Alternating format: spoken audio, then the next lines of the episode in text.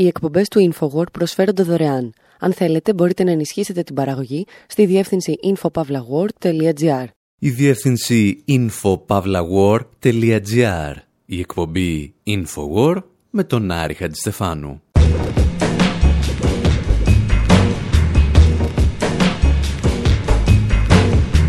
όπου σήμερα συζητάμε για μαστροπούς που τυχαίνει να τα έχουν καλά με κυβερνήσεις και τις διοκτικές αρχές. Αναρωτιόμαστε εάν ο πρώτος νταβατζής της ιστορίας ήταν Έλληνας ή έστω Τρόας και απαντάμε ότι για αυτό το θέμα θα μπορούσαμε να μηνύσουμε τον Σέξπιρ για συκοφαντική δυσφήμιση. Παρακολουθούμε την ιστορία ενός ανθρώπου που προσέφερε στους καλεσμένους του νεκρά άλογα και γυναίκες και ύστερα ένας εγγονός του έγινε πρόεδρος των Ηνωμένων Πολιτειών της Αμερικής.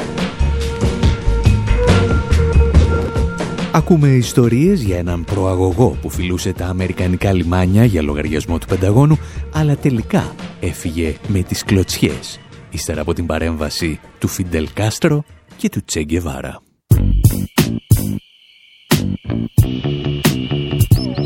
What is pimp? What? What is pimp with? What is with you? Bitch, hit the strip and do what you do. Pay attention to me. Stay on the track. track. I'll be right back. When I be right back. That's pimpin' with me. What is with you? Bitch, hit the strip and do what you do.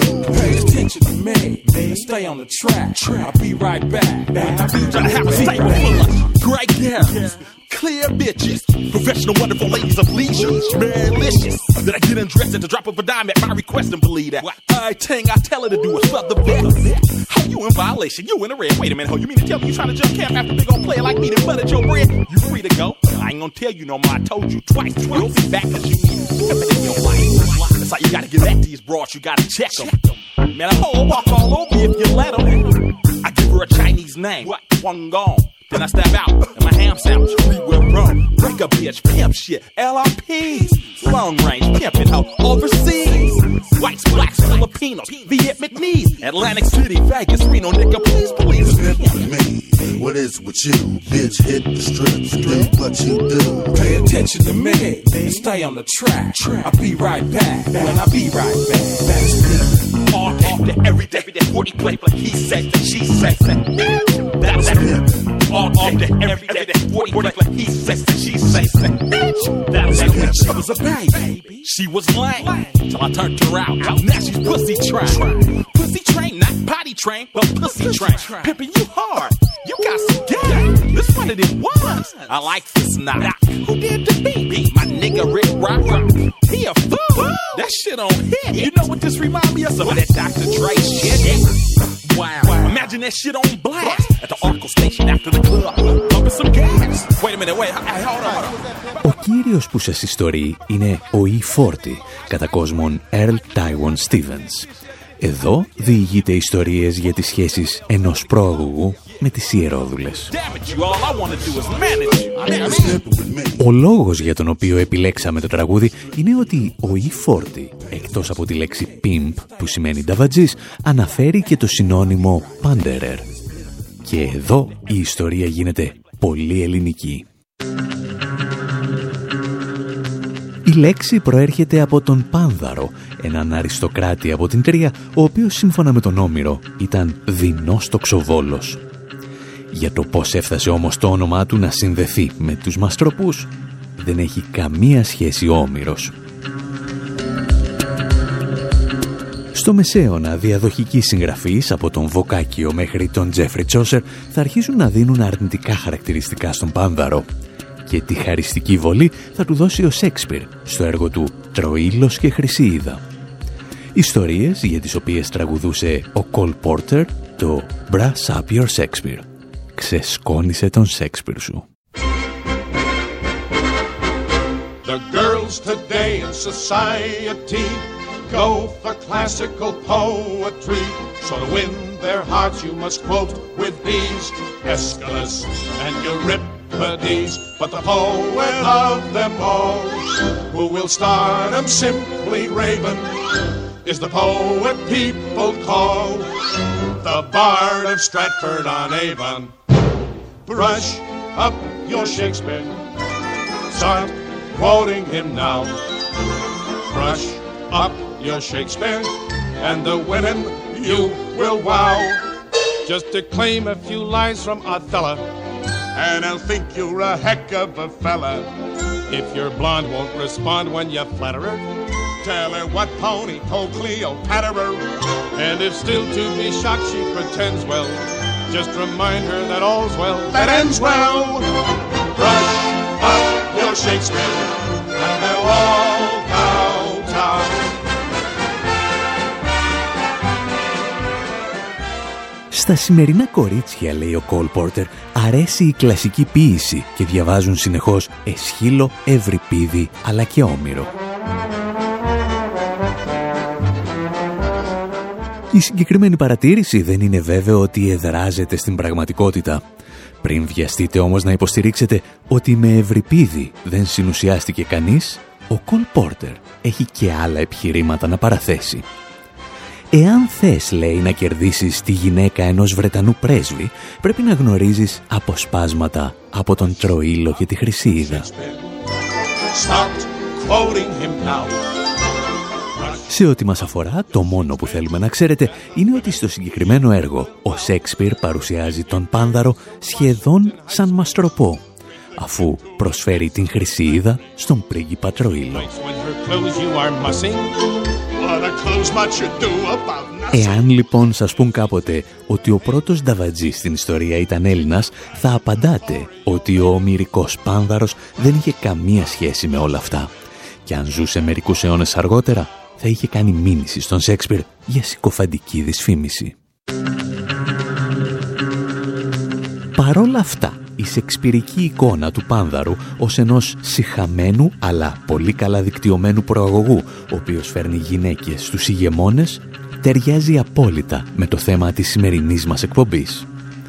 Γιατί σήμερα συζητάμε για εκείνους τους προαγωγούς, οι οποίοι διαπλέκονται με ανθρώπους εξουσίας και φτάνουν να κινούν τα νήματα της πολιτικής σκηνής. Και ένας τέτοιος άνθρωπος ήταν και ο πατριάρχης της οικογένειας Τραμπ, ο Φρέντι Τραμπ. Εισαγωγή από τον Ράιον Χάρβεϊ με το Old Man Trump.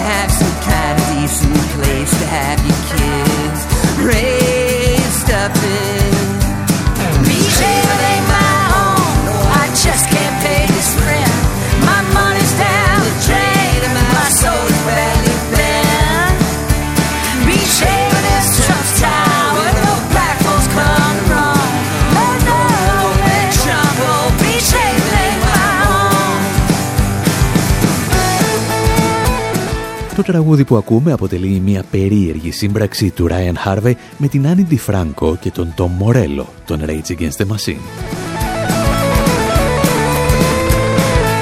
Οι στίχοι μιλούν για ένα σύμπλεγμα πολυκατοικιών, οι οποίες ανήκουν σε έναν ρατσιστή ιδιοκτήτη. Και αυτός επιλέγει τους νικάριδες του με βάση το χρώμα τους. Μια ιστορία πέρα για πέρα αληθινή. Here at his feet. Οι πολυκατοικίες υπήρχαν και ένας από τους ενοικιαστές των διαμερισμάτων τους ήταν ο κομμουνιστής συνθέτης Woody Guthrie, ο οποίος έγραψε το συγκεκριμένο τραγούδι, αλλά δεν το μελοποίησε ποτέ. Όσο για τον ιδιοκτήτη του διαμερίσματος ήταν ο Fred Trump, πατέρας του μετέπειτα προέδρου Donald Trump. Hi, I'm Tom Morello, and I'm standing up against old man Trump. Because when it comes to race relations, he's like an old school segregationist. Όπως μας εξηγεί εδώ τον Μορέλο, αν και το τραγούδι γράφτηκε για τον πατέρα του Ντόναλτ Τραμπ, ταιριάζει σε όλα τα μέλη της δυναστείας. Συνεπώς και στον παππού του. Και εμείς σήμερα θέλουμε να ασχοληθούμε με τον ταβατζή της οικογένειας, τον Φρέντερικ Τραμπ, τον παππού του Προέδρου.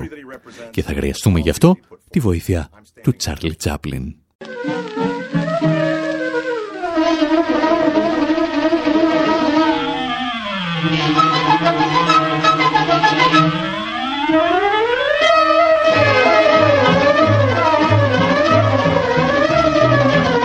Στην ταινία του «Ο Χρυσοθύρας», ο Τσάπλιν εμπνέεται από τους ανθρώπους που εγκατέλειπαν τα πάντα και αναζητούσαν το δικό τους Ελντοράντο στο Κλοντάικ του Καναδά. Ο ίδιος ο Σαρλό εξηγούσε την κατάσταση ως εξής.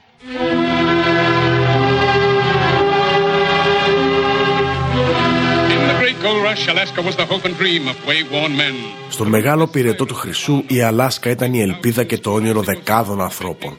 Ήταν η αμήλικτη σερίνα του μακρινού βορρά που προσκαλούσε χιλιάδες στο παγωμένο της στήθος, που προσκαλούσε χιλιάδες σε ανεξερεύνητες περιοχές. Το πέρασμα του Τσίλκουτ αποτελούσε το τελευταίο μεγάλο εμπόδιο προς τα κοιτάσματα Χρυσού. Σε αυτό το πέρασμα, οι άνθρωποι αντιμετώπιζαν ανανίποτε κακουχίες και δυστυχία. Πολλοί έχασαν τη ζωή τους πέφτα στο κενό, άλλοι έχασαν το κουράγιο τους και γύρισαν πίσω. Οι γενναίοι όμως προχωρούσαν.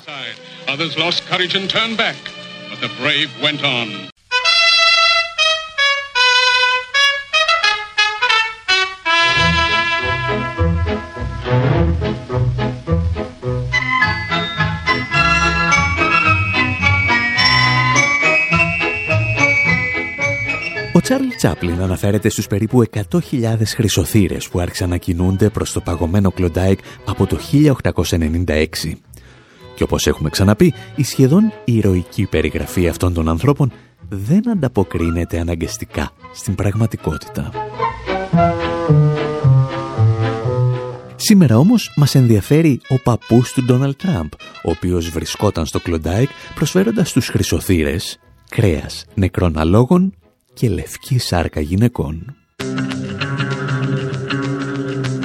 Ο Φρέντερικ Τραμπ ήταν γερμανικής καταγωγής και εγκατέλειψε τη χώρα του για να μην καταταγεί στον γερμανικό αυτοκρατορικό στρατό.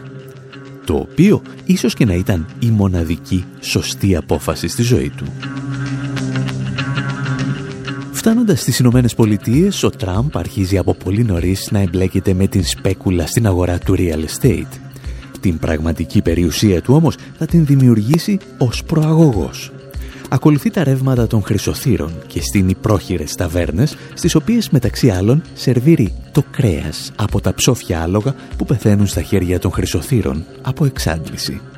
Παράλληλα όμως, οι ταβέρνες του λειτουργούν και σαν οίκη ανοχής. Και αυτό το σχέδιο της ταβέρνας Παύλα Οίκος Ανοχής θα τον κάνει πλούσιο στον πυρετό του χρυσού του Κλοντάικ. Ο γιος αυτού του μαστροπού θα γίνει ένας από τους βαρόνους της Αμερικανικής αγοράς ακινήτων και ο εγγονός του θα γίνει πρόεδρος των Ηνωμένων Πολιτειών της Αμερικής. Πάπου προς πάπου, νταβατζίδες. Και για να κλείσουμε με αυτή την οικογένεια, έχουμε άλλη μία ιστορία για δάφτους. Ή για την ακρίβεια, για ένα μεγάλο θαυμαστή τους, που πληρούσε και αυτός τις προϋποθέσεις του μαστροπού που εμπλέκεται στην πολιτική.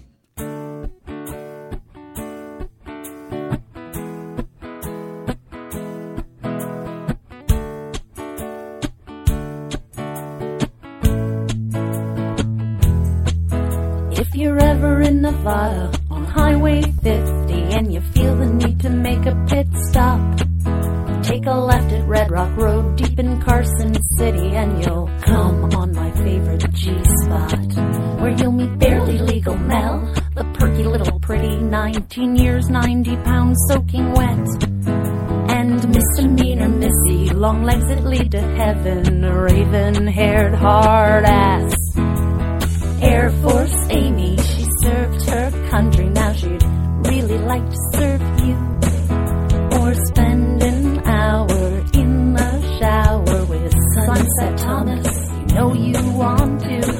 can get anything you want, but we ain't Alice's restaurant, we're the Bunny Ranch. Don't leave sex to chance. Το τραγούδι Bunny Watch που ακούμε έχει γραφτεί για την ομότιτλη τηλεοπτική σειρά του HBO, η οποία κατέγραφε τη ζωή των εργατριών του σεξ σε μια αλυσίδα οίκων ανοχής στην Εβάδα των Ηνωμένων Πολιτειών. Η αλυσίδα ανήκε στον βαρόνο των οίκων ανοχής Dennis Hoff, ο οποίος έχτισε μια αυτοκρατορία και ύστερα αποφάσισε να ασχοληθεί και με την πολιτική. Η πρώτη του επιλογή ήταν το κόμμα των Libertarian, των ακραίων φιλελεύθερων της Αμερικής. Το 2016 όμως βλέπει το φως το αληθινό στο πρόσωπο του Ντόναλτ Τραμπ και αρχίζει να στηρίζει φανατικά την πολιτική του πορεία. Και αν το να εκλεγεί ο Τραμπ ξεπερνούσε τότε κάθε λογική, ο Ντένις Χόφ έκανε κάτι ακόμη μεγαλύτερο. Το 2018 αποφάσισε να κατέβει στις τοπικές εκλογές διεκδικώντας μια θέση βουλευτή στην Εβάδα. Και δεν τον πτώησε ούτε καν το γεγονός ότι πριν ανοίξουν οι κάλπες πέθανε. Ο Ντένις Χοφ βρέθηκε νεκρός ύστερα από ένα πάρτι με ιερόδουλες που είχε οργανώσει για τα γενέθλιά του τον Οκτώβριο του 2018. Η εκλογική επιτροπή της Νεβάδας όμως δεν προλάβαινε να αφαιρέσει το όνομά του από τα ψηφοδέλτια και έτσι τον Νοέμβριο οι κάλπες άνοιξαν με έναν νεκρό υποψήφιο. Σε άλλες χώρες το να έχεις πεθάνει θεωρείται πολιτικό δισαβαντάζ και ενδεχομένως μπορεί να τερματίσει την πολιτική σου σταδιοδρομία. Στην Αμερική όμως, ποιος θρησκόληπτος ρεπουμπλικάνος από την Εβάδα δεν θέλει να ψηφίσει ένα νεκρό νταβατζή; unique pick in Nevada for the state assembly. Well, Έχουμε μια ξεχωριστή νίκη για το τοπικό κοινοβούλιο στην Εβάδα. Ένας νεκρός σταβατζής. Ο ρεπουμπλικάνος υποψήφιος Ντένι Χοφ, που λειτουργεί νόμιμους οίκους ανοχής, κέρδισε μια θέση στο 36ο διαμέρισμα της πολιτείας με σχεδόν 70% των ψήφων. Στα εκλογικά τμήματα είχαν τοποθετηθεί πινακίδες που ανέφεραν ότι ο Χοφ είχε πεθάνει. Αυτό δεν σταμάτησε όμως την πλειοψηφία των ψηφοφόρων να τον εκλέξουν.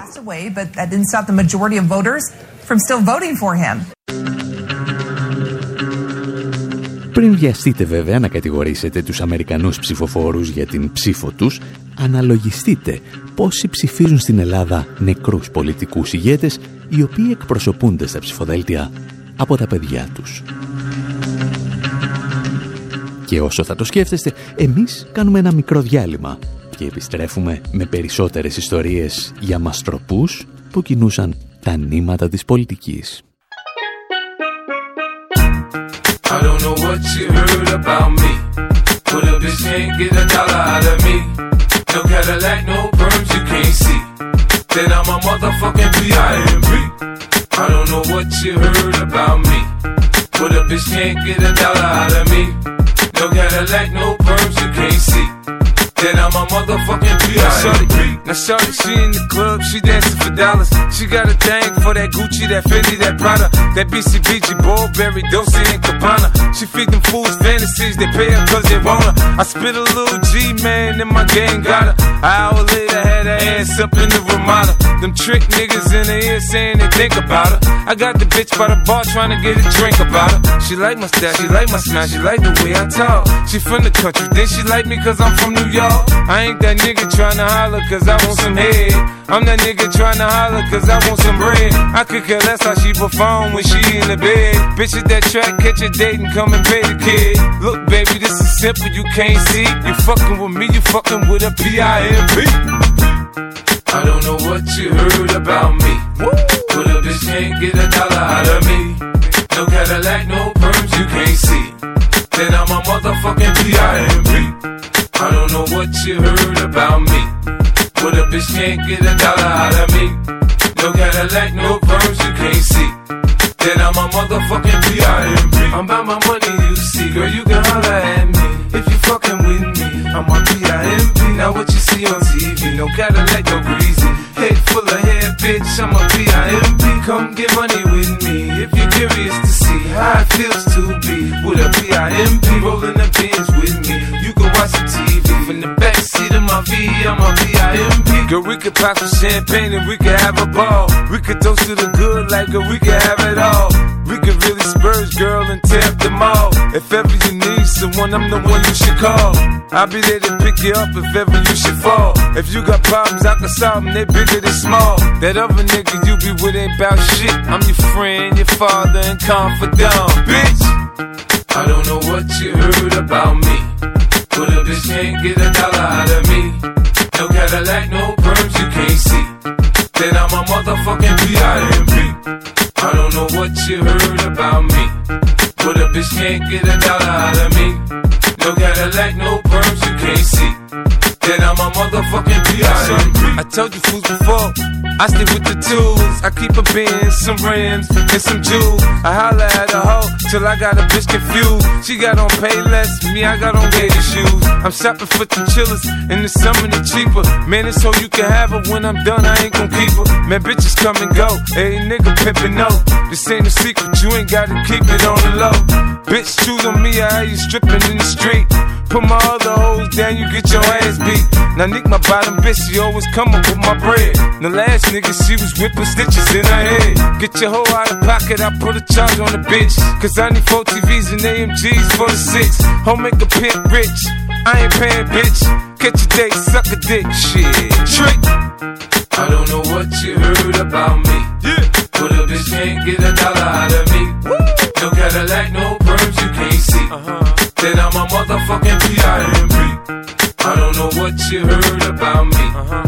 But a bitch can't get a dollar out of me. Yeah. No Cadillac, no perms, you can't see. Then I'm a motherfucking P.I.M.P.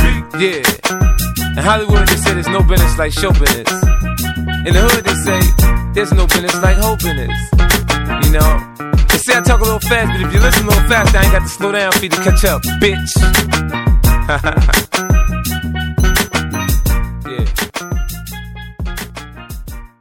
Οι εκπομπές του InfoWord προσφέρονται δωρεάν. Αν θέλετε, μπορείτε να ενισχύσετε την παραγωγή στη διεύθυνση infopavlagor.gr.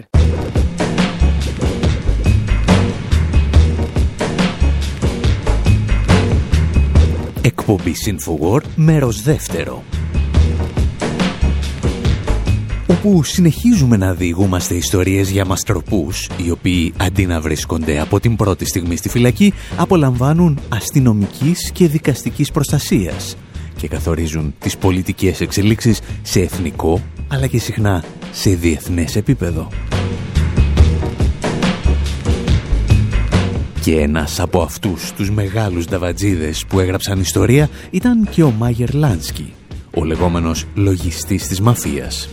Θα αφήσουμε να τραγουδήσει γι' αυτόν ο Ισραηλινός Σαγιόλ 59. Mr. Lansky, why are the American authorities after you?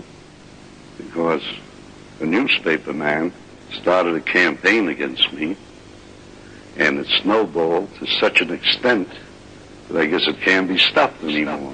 הו גברת ראש הממשלה, בבקשה, קבלי לכאן את מאיר, ותני לו תעודה, רוצה לחיות כאן, בארץ הקדושה. Well, actually, it started about 1965 when some newspaper man wrote an article that I have $300 million. Well, I wish I had a million dollars. נולד לפני מאה שנה באימפריה הרוסית כשהיה בן תשע היגר לארצות הברית או מאיר בארצות הברית הסתובב בניו יורק הכיר קצת אנשים יהודים ואירים וכמה איטלקים או מאיר חבר של איטלקים. Lansky, what does the name Jewish Mafia mean to you? You know, I never heard that until I read it in the Israeli newspapers. Why, it's most ridiculous, ridiculous, ridiculous. קובה, פלורידה, גם בניו אורלינס. מה כבר יהודי צריך? רק כמה עסקים, אומר. כמה עסקים.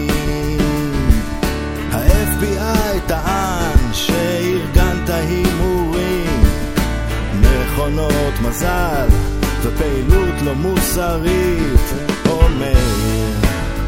כה לא מוסרי. They claim I have 50% of uh, Lebanon casino, 50% of Monte Carlo. And Roosevelt sent me to visit the Teaster on a mission. How ridiculous can we really get? כמה שניסו הם לא הצליחו כלום לתפוס. עשו לך את המוות אבל חיית כמו בוס. אומר כן היית בוס. אז פרשת למיאמי לשחק בגולף. גם שם לא הפסיקו הסוכנים לרדוף. אומר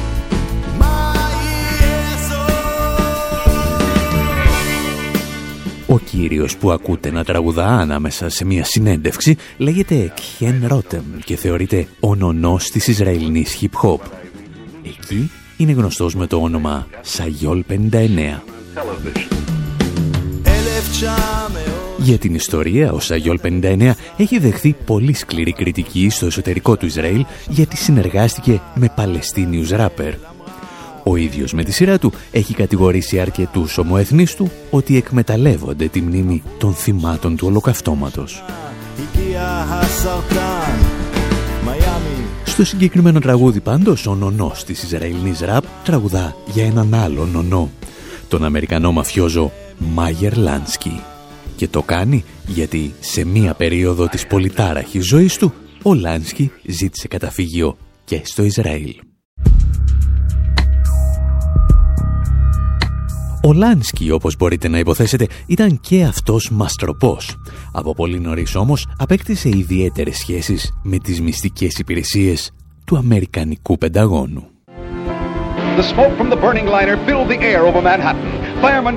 Τον Φεβρουάριο του 1942, ο ουρανός του Μανχάταν γεμίζει καπνούς. Το υπεροκειάνιο Λαφαγέτ, το οποίο οι Αμερικανικές αρχές ήθελαν να μετατρέψουν σε πολεμικό πλοίο, είχε μόλις τυλιχθεί στις φλόγες. Παρά το γεγονός ότι η φωτιά οφείλεται πιθανότατα σε ατύχημα, οι Αμερικανικές αρχές αφήνουν να εννοηθεί ότι πρόκειται για σαμποτάζ από τις δυνάμεις του άξονα. Και τότε οι μυστικές υπηρεσίες αποφασίζουν να αναθέσουν τη φύλαξη των λιμανιών της Νέας Υόρκης στις πέντε οικογένειες της μαφίας που ελέγχουν την πόλη. Τα εξηγούσε ένα μίνι ντοκιμαντέρ του πρακτορείου Γκέτι. Hailing from Italy, the five families of New York were the kingpins of serious organized crime in the city. Καταγόμενες από την Ιταλία, οι πέντε οικογένειες της Νέας Υόρκης ήταν τα αφεντικά του οργανωμένου κλίματο στην πόλη. Είχαν ισχυρή παρουσία στις συνδικαλιστικές οργανώσεις και τους λιμενεργάτες, πολλοί από τους οποίους ήταν επίσης Ιταλικής καταγωγής. Η επιρροή της μαφίας ήταν τόσο ισχυρή σε αυτήν, που η υπηρεσία πληροφοριών του Αμερικανικού ναυτικού δεν έβλεπε άλλη επιλογή από το να ζητήσει τη βοήθεια των μαφιόζων για την προστασία της πόλης που κατά καιρούς οι ίδιοι είχαν τρομοκρατήσει. Αυτή η μυστική συνεργασία έγινε γνωστή ως επιχείρηση υπόκοσμο. Became known as Operation Underworld. Ο μαστροπός Μάγερ Λάνσκι θα παίξει κομβικό ρόλο στην επιχείρηση Υπόκοσμος και έκτοτε θα συνεχίσει να ισορροπεί ανάμεσα στον κόσμο των μυστικών υπηρεσιών και του οργανωμένου εγκλήματος. Και καθοριστικό ρόλο σε αυτό το παιχνίδι θα παίξουν οι σχέσεις του με το FBI. Μικροδιάλειμμα με τους Untouchables και επιστρέφουμε.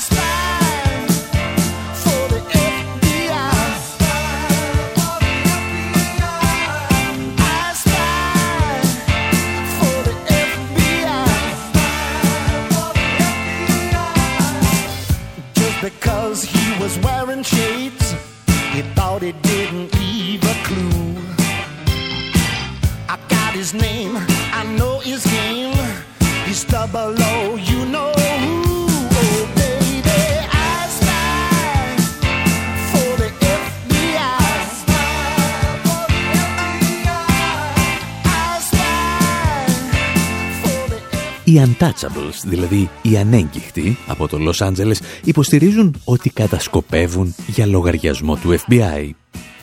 Και μια τέτοια επιχείρηση κατασκοπίας είχε στηθεί και για τον ήρωα της σημερινής μας ιστορίας, τον μαφιόζο Μάγερ Λάνσκι. Όπως αποδείχθηκε αρκετές δεκαετίες αργότερα, το FBI είχε δημιουργήσει έναν τεράστιο φάκελο για τον λεγόμενο λογιστή της μαφίας. Παρ' όλα αυτά, στα χρόνια της ακμής του, δεν τόλμησε ποτέ να τον αγγίξει.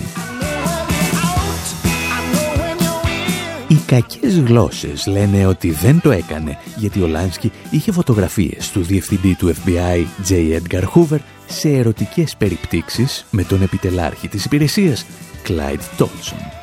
Και ενώ η συγκεκριμένη πληροφορία δεν επιβεβαιώθηκε ποτέ και δεν είδαμε τις σχετικές φωτογραφίες, είναι βέβαιο ότι ο Λάνσκι χρησιμοποιούσε τους οίκους ανοχής του για να στήσει ένα τεράστιο δίκτυο εκβιασμών εναντίον πολιτικών, δικαστών και αστυνομικών.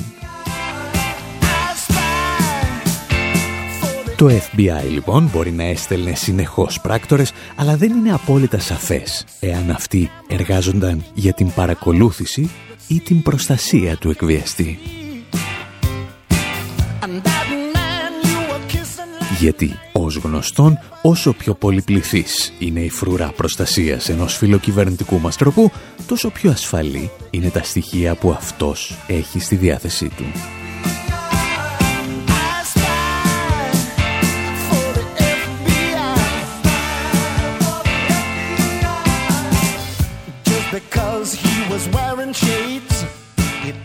Η περίπτωση πάντως του Λάνσκι έχει ενδιαφέρον και για έναν ακόμη λόγο. Οι Ηνωμένες Πολιτείες, προκειμένου να προστατεύσουν τα συμφέροντά του, όπως και άλλων οικογενειών του οργανωμένου εγκλήματος, δεν δίστασαν να κινητοποιήσουν τη CIA και το Πεντάγωνο.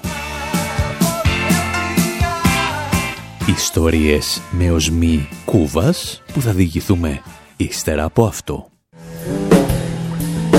Had to be FBI Chief J. Edgar Hoover and Frank Costello syndicate mouthpiece meeting in Central Park, New York together weekends, reported Time magazine.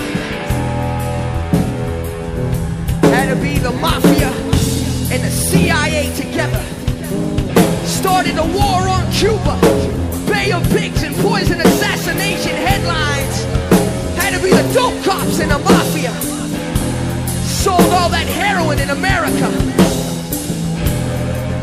To be the FBI and organized crime working in together in cahoots against the commies.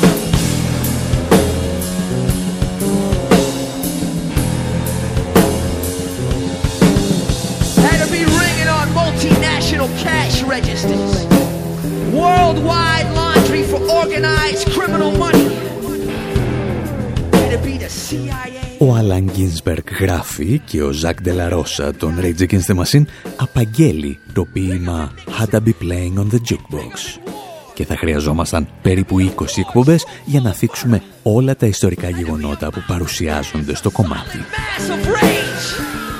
Had to be a red hot head. Λέμε όμως να κρατήσουμε μόνο τις αναφορές για τις σχέσεις της οικογένειας Κέννεντι με τη μαφία και την εισβολή στον κόλπο των χείρων από τη CIA. Ο Λάνσκι ήταν ένας από τους νονούς της Αμερικανικής μαφίας που είχαν μεταφέρει το κέντρο των δραστηριοτήτων τους στην Κούβα. Η χώρα είχε μετατραπεί σε ένα γιγαντιαίο καζίνο και σε ένα μεγάλο οίκο ανοχής. Ο Λάνσκι μάλιστα ήταν ένας από τους διοργανωτές των περίφημων συναντήσεων της μαφίας στην Αβάνα, εκεί όπου μοίραζαν το νησί σαν ένα κομμάτι από τούρτα όπως τα περιέγραφε δηλαδή ο Φράνσις Φορντ Κόπολα στη δεύτερη συνέχεια της ταινίας Ονονό. Μα Μας τα εξηγούσε παλαιότερα και το ντοκιμαντέρ «Outfoxed».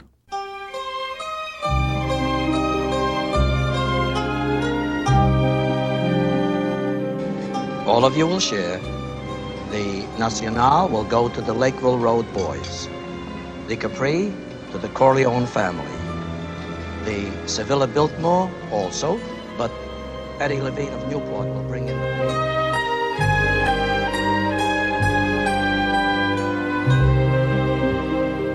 In the great 1974 film The Godfather 2, there's a scene about halfway through where Hyman Roth and Michael Στην δεύτερη συνέχεια της περίφημης ταινίας Ο Νονός υπάρχει μια σκηνή στην οποία οι μεγαλύτεροι γκάγκστερ της Αμερικής συγκεντρώνονται σε μια ταράτσα στην Αβάνα της Κούβας.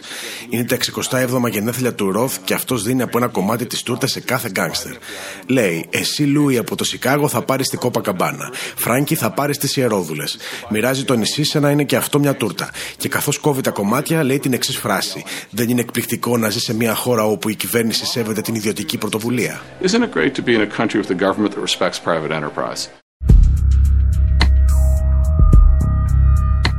Ο Λάνσκι λοιπόν παίζει καθοριστικό ρόλο στο μοίρασμα της Κούβας, ενώ παράλληλα μετατρέπει τον δικτάτορα Μπατίστα σε ένα είδος προσωπικού του υπαλλήλου. Debido a serios.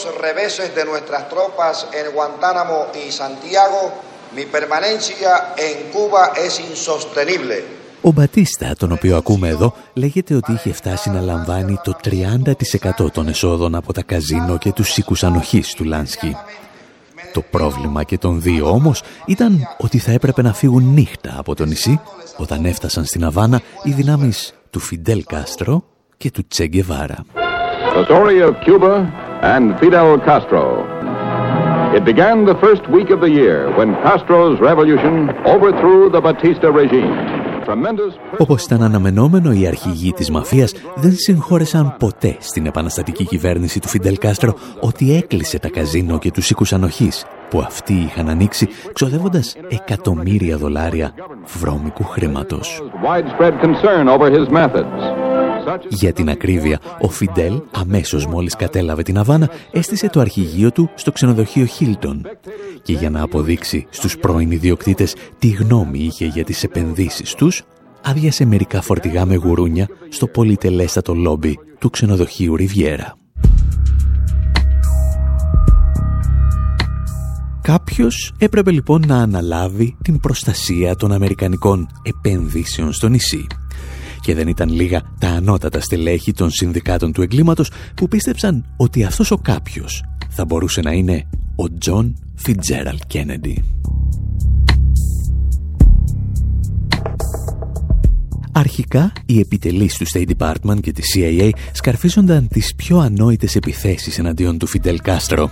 Μεταξύ άλλων, σκέφτονταν να τοποθετήσουν εκρηκτικά στα πούρα του και να ρίξουν ουσίες που θα έκαναν το μούσι του να μαδίσει. Ελαφρώς πιο σοβαρός, ο Κένεντι αποφασίζει να μείνει πιστό στην αμερικανική παράδοση των στρατιωτικών εισβολών. Διατάσσει έτσι τη CIA να ετοιμάσει την περίφημη εισβολή στον κόλπο των χείρων. Και η τελευταία με τη σειρά της θα ζητήσει και τη βοήθεια της μαφίας. Το μόνο που απομένει είναι ο νέος πρόεδρος να δώσει το πράσινο φως της επίθεσης. The assault has begun on the dictatorship of Fidel Castro. Cuban Army pilots opened the first phase of organized revolt with bombing raids on three military bases. Two of the B-26 light bombers then seek asylum in Florida. On the heels of the air raids, Το πρόβλημα ήταν πως όταν τα αμερικανικά επίκαιρα άρχισαν να μεταδίδουν τις πρώτες πληροφορίες για την εισβολή στον κόλπο των χείρων, η μάχη είχε ήδη χαθεί. Οι Ηνωμένες Πολιτείες είχαν υποστεί μία από τις πιο ταπεινωτικές ήττες στην ιστορία του 20ου αιώνα.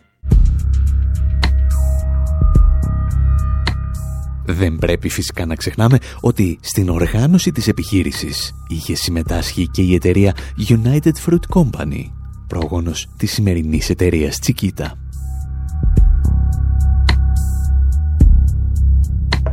Εκείνη την εποχή η εταιρεία συνεργαζόταν και με την πετρελαϊκή εταιρεία Zapata, διευθυντής της οποίας ήταν ο George Bush, ο πρεσβύτερος. Ο άνθρωπος που μεταξύ άλλων θα γίνει αργότερα διευθυντής της CIA και πρόεδρος των Ηνωμένων Πολιτειών.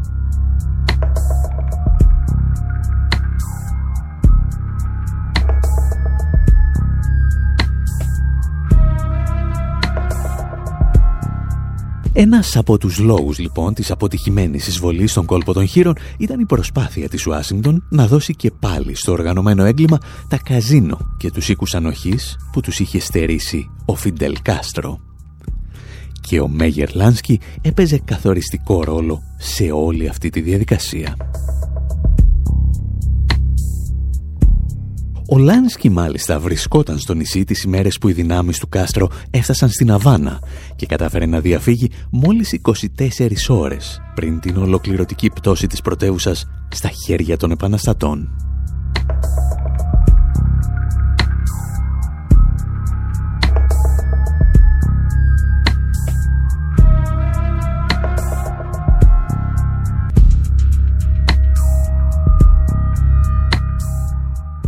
Συμφέροντα της Ουάσιγκτον με τους μαστροπούς της μαφίας ήταν τόσο αλληλένδετα συνδεδεμένα, ώστε μετά την Κουβανική Επανάσταση, ο Λάνσκι απέτησε να λάβει αποζημίωση από την Αμερικανική κυβέρνηση για τις ζημιές που είχε υποστεί στο νησί. Και αυτό είναι ένα άλλο πρόβλημα με τους μαστροπούς. Μπορεί ως κυβέρνηση να περάσεις χρόνια υποστηρίζοντας τις δραστηριότητές τους και όταν βρεθούν στα δύσκολα σου τραβάνει και μια μήνυση για διαφυγόντα κέρδη ή για προσβολή της προσωπικότητάς τους. Εμείς πάλι κάπου εδώ λέμε να σας αφήσουμε και για αυτή την εβδομάδα. Να θυμάστε πάντα ότι μας βρίσκεται καθημερινά στη διεύθυνση info.pavlawar.gr Μέχρι την επόμενη εβδομάδα, από τον Άρη Χατζηστεφάνου στο μικρόφωνο και τον Δημήτρη Σταθόπουλο στην τεχνική επιμέλεια, γεια σας και χαρά σας.